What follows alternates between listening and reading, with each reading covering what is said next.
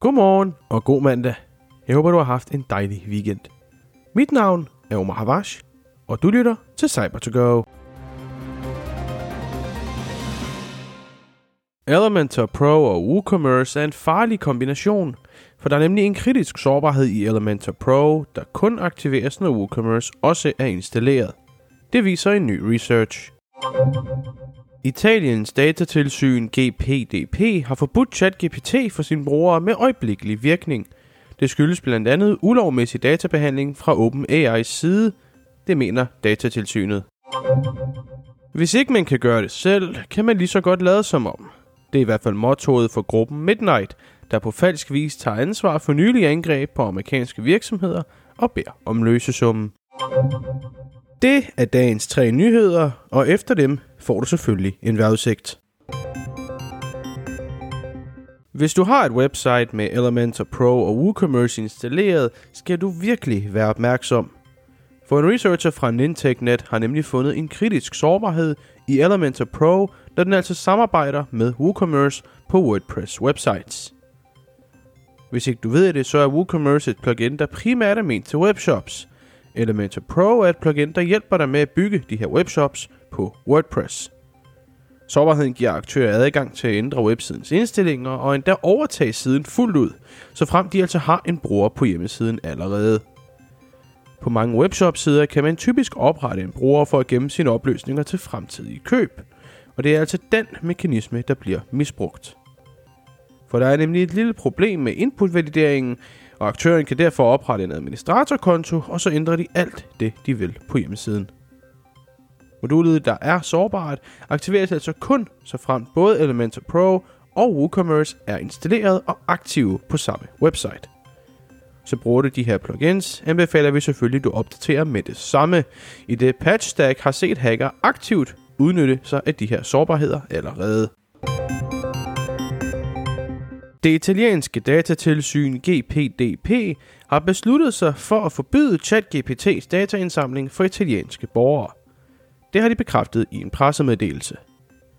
Der er tre hovedårsager. Datatilsynet mener nemlig, at der er mangel på information til brugere og samtlige interesserede parter, hvis data indsamles af OpenAI. Den anden årsag er, at datatilsynet ikke mener, at der er noget retsgrundlag for indsamlingen og opbevaringen af den her data. Den tredje årsag er, at OpenAI ifølge det italienske datatilsyn altså ikke har sat nok midler i brug for at forbyde brugen af ChatGPT for børn under 13 år. Og her kommer altså også et element om indsamling af børns data i spil.